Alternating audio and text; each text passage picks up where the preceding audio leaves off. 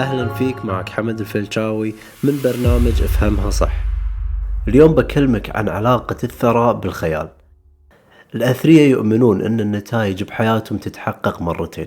مرة في خيالهم وثاني مرة في الواقع المادي.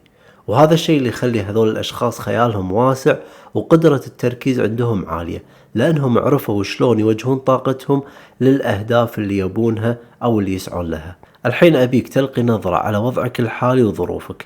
هل قاعد تستخدم خيالك بالطريقة الصحيحة ولا قاعد تستنزفها بأمور ثانية ما تخدمك؟ من قبل كم يوم كتبت شغلة على تويتر كتبت تسلق الجبل حتى تتمكن من رؤية العالم وليس حتى يراك العالم.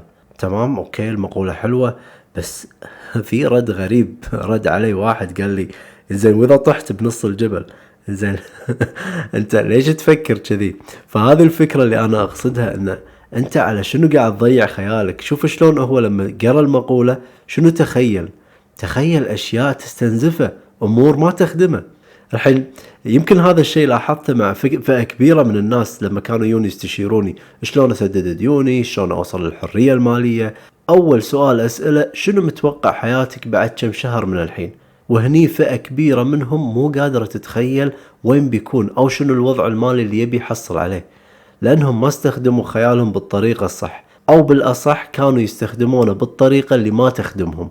فالشخص اللي يكون عليه ديون يبدي يستخدم خياله بطريقة ضده ويبدي يتخيل لو ما قدرت أسدد ديوني راح أتورط وممكن أدخل بمشاكل أكبر وأفقد وظيفتي.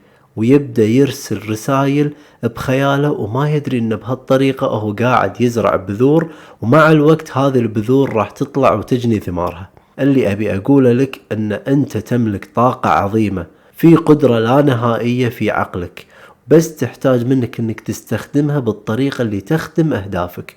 والت ديزني إديسون بيل جيتس وغيرهم وغيرهم ناس اكتشفوا إن صناعة الأهداف تبدأ أول شي بالخيال لأن عقلك الباطن مثل الأرض الخصبة بس يحتاج تزرع فيه الأشياء اللي أنت تبيها لأن إذا زرعت فيها خير بتجني خير إذا زرعت فيها شيء أنت ما تبيه راح تجني ثماره. تذكر أن الثراء بدأ بخيالك وبعدها تجلى على أرض الواقع.